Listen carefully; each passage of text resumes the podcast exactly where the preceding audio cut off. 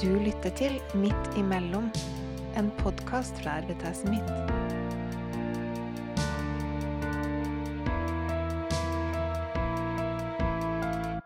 Seksualitet er en integrert del av alle menneskers personlighet, og det handler om mye mer enn seksuelle handlinger. Det handler også om relasjoner og intimitet, kjærlighet og reproduksjon. Men iblant så kommer seksualiteten på avveie. Hva gjør vi når den sunne seksualiteten går over til å bli skadelig? Jeg heter Unni Skoglund, og for å snakke om dette temaet, så har jeg med meg Helene Hegle.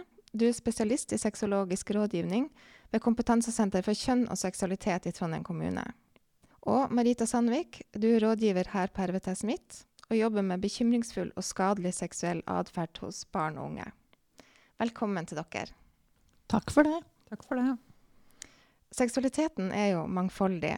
Kan dere si litt om hva den rommer, og når den oppstår?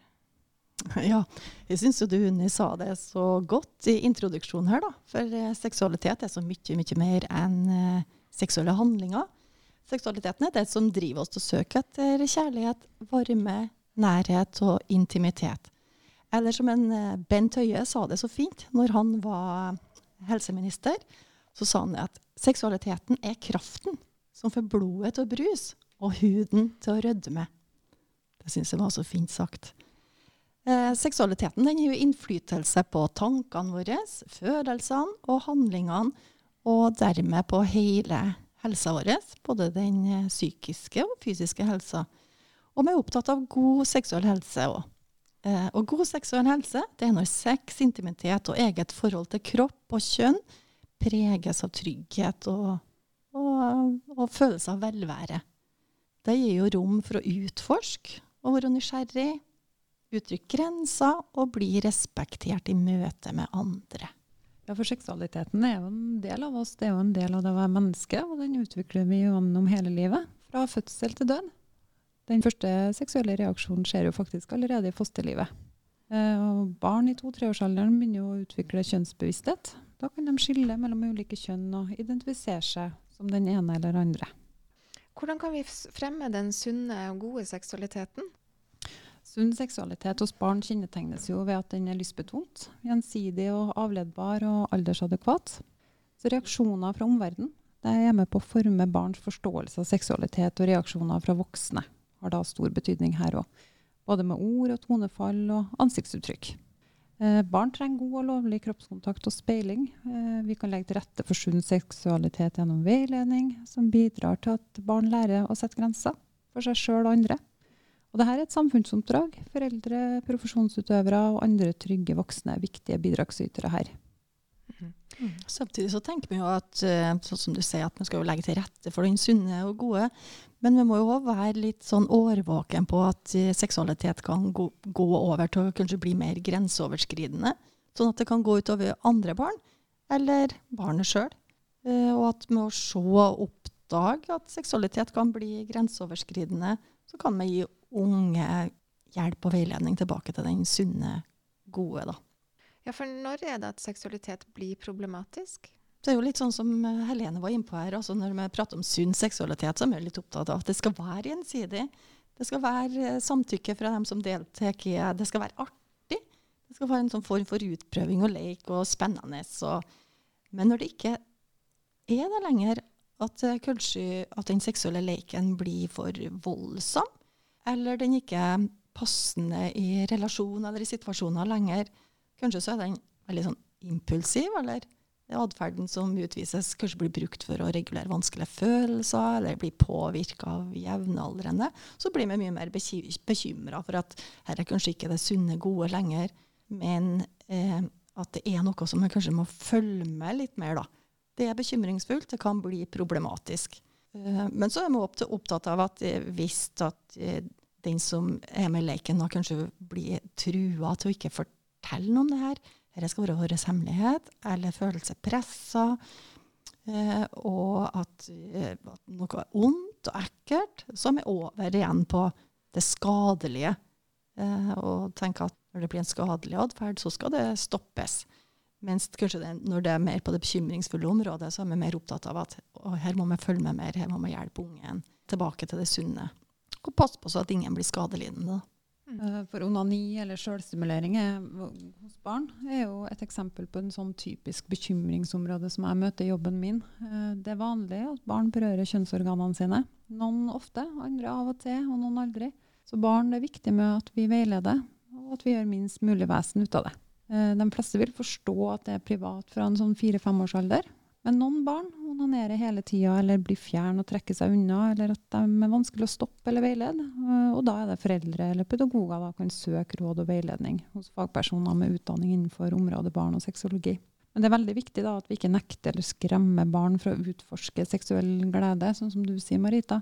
Da det kan påføre barnet skam og skape ubehagelige følelser eh, for egen kropp og seksualitet. Jeg tenker jo litt sånn at, eh, at det er viktig å lære seg grenser og ferdigheter på dette området som på andre områder. Barn å lære å eh, vente på tur og vise hensyn. Og, jeg tenker et begrep som jeg er veldig glad i, det er det med seksuell folkeskikk. At eh, barn og unge òg skal lære det på dette området. For å ha det bra med seg sjøl og andre, da. I dag i Norge så vi jo veldig uh, fokus på det med å komme inn tidlig for å forhindre fremtidige seksuelle overgrep. Kan dere fortelle litt om hvorfor det er så viktig å komme inn tidlig hvis man opplever at noen har en sånn skadelig seksuell atferd? Mm. Eh, jeg tenker jo det at tidlig innsats det er kjempeviktig, det. Eh, Og av avgjørende betydning for å klare å forebygge eh, skadelig seksuell atferd. Og ikke minst for å hindre at det skjer igjen, hvis det først har skjedd én gang. Tidlig innsats er avgjørende for å forebygge andre helseproblem og utviklingsvansker til barn og unge. Og igjen eh, å forebygge at det utvikler seg når de blir voksne. Så tidlig innsats eh, handler jo både om å sette inn tiltak for å beskytte barnet sjøl og andre rundt barnet, men òg tiltak for å fremme en god utvikling da, på alle områdene. Jeg tenker jo at vi, vi voksne kan være litt bekymra for om det blir mye prat om, om seksualitet og sånn, så, så vil det innvirke negativt på barnet. Men det forskninga viser, er jo at barn som lærer om kropp og seksualitet og innehar et språk, eh, i større grad har tre ting til felles. De debuterer senere, bruker ofte beskyttelse når de har sex. De blir mindre opptatt av pornografi, og de sier tidligere fra om seksuelle overgrep. Ja, for selv om vi har en eh, seksualitet alle sammen, så er det her noe som de fleste av oss snakker lite om. Og ekstra vanskelig så er det så klart å snakke om skadelig seksuell atferd. Hvordan kan vi som foreldre snakke med ungene våre om det? Jeg tror det er viktig at, her, eh, at barn har lært om den fine og gode seksualiteten. Da vil det være enklere å snakke om det eh, når temaet dukker opp.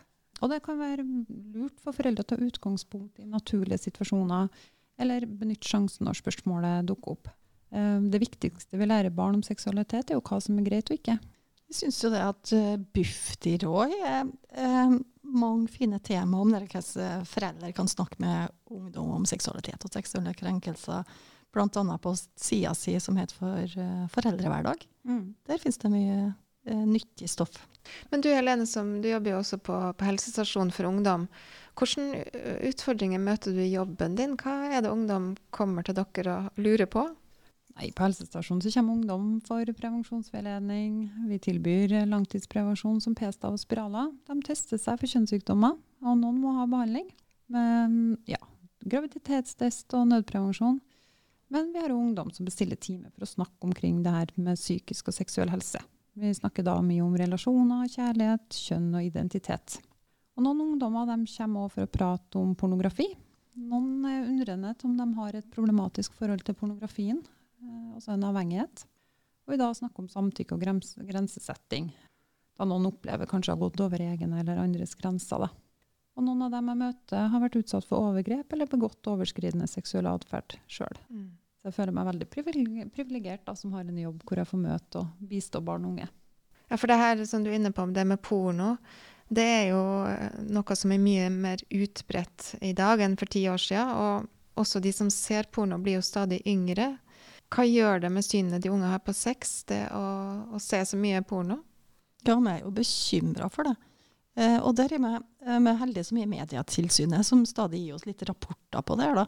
Er det sånn at uh, ungdom uh, og unge ser mer på porno, og blir de stadig yngre? Og Den siste rapporten fra 2022 sier jo akkurat det. At uh, det er trenden. Da. De sier at halvparten av barn og unge mellom 13 og 18 år har sett porno på nett. Dobbelt så mange gutter enn jenter svarer at de har sett porno på nett. Og sammenligna med tall fra 2018, da, så ser det ut som at uh, det er en økning på 10% av dem som den uh, aldersgruppa her, da, som har sett porno på nett. Og at økninga er størst blant de yngste gruppene. Det er jo noe som bekymrer oss, da. Uh, for når, når er du gammel nok til å forstå det du ser på nettet av pornografien? Eh, og, og, og, det var et tall som overrasket meg mye, at nesten halvparten, altså fire av ti, svarer at de får reklame for porno på nettet. Ja, og det kanskje. betyr jo på mobilene sine òg, da. Ja, på sosiale mm. medier. Og, og sosiale medier. Mm. For her er det vel viktig at vi kommer tidlig inn. Snakker med barn om nettvett, sosiale medier bildedeling og porno allerede ja, på barneskolen. Mm. For medielandskapet er jo stadig endring og utvikling. Og det, det at foreldre følger med på hva barn og unge interesserer seg for på nett. Ja. Mm. Og vi vet jo av forskning at uh, synet på jenter og kvinner blir påvirka av å se på voldelig porno. Og vi vet òg, når, når, vi snakker om voldelig porno, så vet vi jo at uh, mesteparten av den uh, mainstream pornoen som finnes på nettet, da, det er det innslag av vold. Som ja, strangulering, bruk av tvang og makt, og litt sånn dehumanisering av kvinner, da. Så er det Mye av pornografien er jo laga av og for menn. Ja. Eh, det visuelle i filmene er viktig. Pleiking av anus, opererte kjønnslepper. Og det er ikke uvanlig å se kvinner uten kjønnshår. Men i virkeligheten så er det jo faktisk så mange som nesten oppi 70% av kvinner som har hår nedentil. Ja. Um, ja, så man får et feilaktig bilde, rett og slett. Ja. Ja, og, og, det, og, Når barn og unge sammenligner seg da, med det de ser på skjermen, så, så, er det fullt forståelig at det skaper press og, og dårlig sjøltillit. Mm. De føler seg annerledes enn det de ser på ja. nettet. Og, og, vi vet jo òg, og det er jo en sånn type bekymring, at, de, at, det ser ut som at det å se på porno det gir en slags spenning som, som en kanskje vil ha mer og mer av. Eh, og, at, og, at, det kan føre en inn i en sånn spiral, at det blir hardere og hardere eh, porno en ser på. da. Og noen eh, er jo bekymra for at de kan ha utvikla en eh, avhengighet til porno, faktisk. I langt ned i alder av ungdom. Og konsekvensene kan jo være vi, vi, har jo en del gutter som kommer til oss på helsestasjonen og, snakker om det her med ereksjonsvansker. Hjernen mm. har lært at ved å se porno så får man på en måte det man trenger der og da. Man får det når som helst. Og sånn er det jo ikke i virkeligheten. Så da føler ungdommen kanskje på mye press um, når de skal prestere seksuelt. Og de trenger, som du sier, Marita, etter hvert sterke synsinntrykk for å oppnå spenning og tenning. Og som skaper utfordringer da, i møte med partner. Mm. Det snakkes ikke om hva de ønsker eller hva de liker. Mm. Og så har det også vært undersøkelser som har vist at egentlig er det ingen, eller sånn, de fleste, da, både jenter og gutter, jeg har, vil egentlig ikke ha analsex. Nei. Men de Jeg tror det forventes. Ja. ja. Mm. Og det tenker jeg nå er skapt av pornografien, da. Ja, for jeg tror mange ungdommer, altså det ungdommene jeg treffer, som forteller at de er inspirert av pornoen. Eh, vi har jo eksempler på par som kommer og snakker med oss der den er, altså en har vært utsatt for kverning, ikke snakka om det her på forhånd. Det har vært mye dirty talks, spenking. For har, altså, kanskje guttene har, har sett porno og tenker at jentene angivelig liker å bli slått. Da. Så det her med å skille fantasi og, og virkelighet, det, det, er en viktig jobb som som vi som voksne har. Hjelpe dem med. Ja. De siste par årene har det også kommet et nytt begrep fra hjelpesida, det er teknologiassistert skadelig seksuell atferd. Dette er litt gresk for de fleste av oss. Kan dere si litt mer om hva det handler om? Ja, det handler om eh, at overgrep og seksuelle krenkelser òg kan bli begått eh, via teknologiske verktøy. Da. Og det kan jo være både mobiler, chat, Eh, sosiale medier, eh, PC-nettbrett og spillkonsoller. Altså at ting foregår på da. Og vi vet jo at det er et sånt økende problem, eller en sånn økende forekomst av uh, seksuelle krenkelser digitalt, da, spesielt blant barn og unge. da. Og ja, Handler det da om deling av, av filmer? Og ja, mm. det kan være deling av bilder. Og det kan kanskje være nedlasting av seksualiserte bilder av barn, eller overgrepsmateriale. Og, og, kanskje i sin verste form, da, bestillingsovergrep, som jeg òg har blitt kjent med de siste årene. Mm. Medietilsynet og politiet oppfordrer oss til å ta nakenbildepraten eh, for å forebygge. Og kanskje må vi inn tidligere og prate om det enn Mm. vi, vi først kanskje tror. For det er viktig at grensesetting og risiko ved å dele seksualiserte bilder blir snakka om, både hjem og på skole. Det er ikke lov å vise eller videresende nakenbilder av barn under 18. Og det er jo sånn at er du over 15, så kan du jo straffes for det. Eh, og så syns jeg det er viktig at ungdommer får vite at det ikke er vanlig å dele nakenbilder. Det er jo kun 5% av 13-18-åringene som har gjort det, ifølge Barne- og media-rapporten fra 2022. Men halvparten av jenter og hver femte gutt eh, på alderen 13-14 har blitt spurt om å dele nakenbilder. Og ungdommer som jeg snakker med, forteller at eh, det å dele nakenbilder kan, ja, er som et uttrykk for nærhet, intimitet og tillit da, mellom kjærester, eller at de gjør det som venner, som tull. Da. Så det er mange som kjenner på press til å dele og videresende. Så vi som voksne må nå være klar over det og vite hvordan vi skal forholde oss til ungdommer som har delt noe som har kommet på avveie. Og da trenger ikke ungene, altså un, ungdommene ønsker støtte, ikke kjeft. Foreldre må vise forståelse for at ungdomstida er en fase hvor man kan ta litt overveide valg, og skape en trygghet for at barn og unge har noen å snakke med dersom de kommer opp i problemer. Da. For jeg har jo møtt ungdommer i jobben som har sendt nakenbilder til noen de stoler på, men så har bildet senere likevel blitt delt. Og det er en stor påkjenning for den det gjelder. Ja. Og vi har jo møtt ungdom som har sagt at å, jeg kan jo i hvert fall ikke fortelle foreldrene mine det der, for det er de jo formana om og gitt Mm. meg advarsler om så mange ganger. Ja. Så det blir ekstra vanskelig å fortelle om når du først havner i det trøbbelet. da. Altså, jeg tenker, Er du så heldig at du har en ungdom som kommer for å prate med deg, så, så er rådet om å ta skjermbilde og dokumentere hva som er delt, og hvor og når. Så meld fra til den aktuelle applikasjonen eller nettstedet, og, og snakk med politiet. Hva vet vi om de som begår seksuell atferd? Ja, eh, altså det begrepet skadelig seksuell atferd eh, bruker vi jo mest eh, til barn og unge, da. Eh, men det er jo som eh, til barn og unge som til voksne, skulle jeg si, at de fleste overgrepene og seksuelle krenkelsene skjer mellom kjente.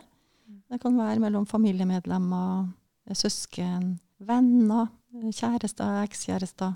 Vi vet òg at eh, av barn og unge da, som får en passende reaksjon, som jeg sier, på når de har tråkka over grensa, de gjør det ikke igjen. Og en passende reaksjon det kan jo være en tydeliggjøring av alvorligheten i det her, konsekvenser for seg sjøl og for den som blir utsatt, og kanskje veiledning og opplæring. I det trygge rom, ja. Mm. Men, og der er vel gutta overrepresentert? Ja. I statistikkene så er jo guttene overrepresentert i forhold til dem som, eh, som begår, ja. Vi vet jo at eh, mellom, som eh, internasjonal forskningslitteratur sier at mellom 30 og 50% av all overgrep mot barn blir begått av andre barn.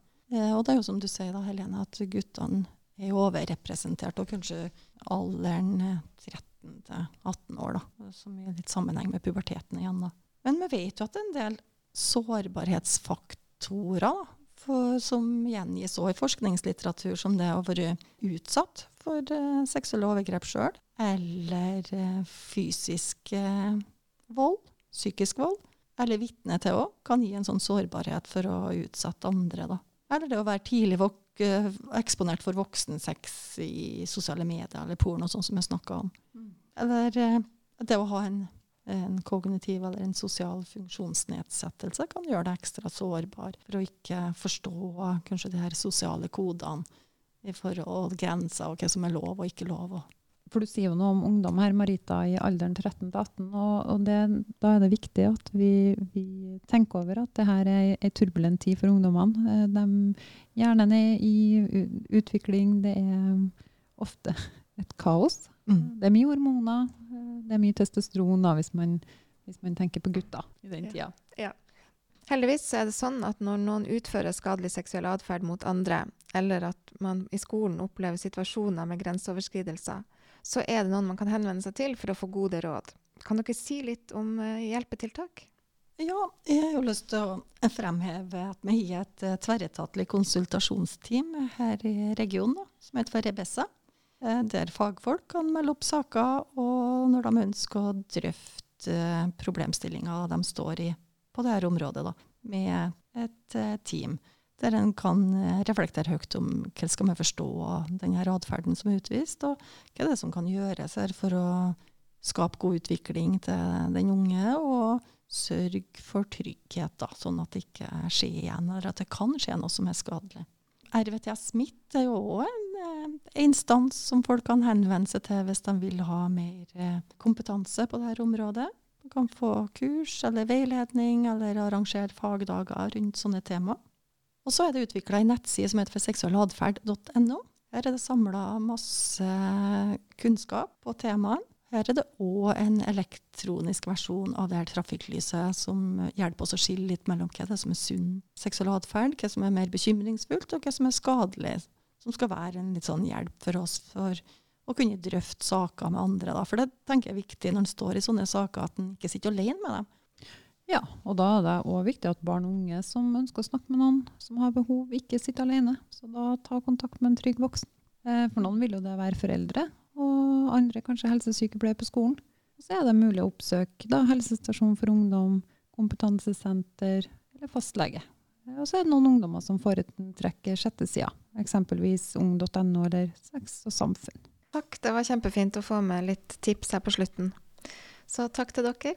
Ja. Dere kom i dag. Takk for at vi fikk komme. Takk, takk.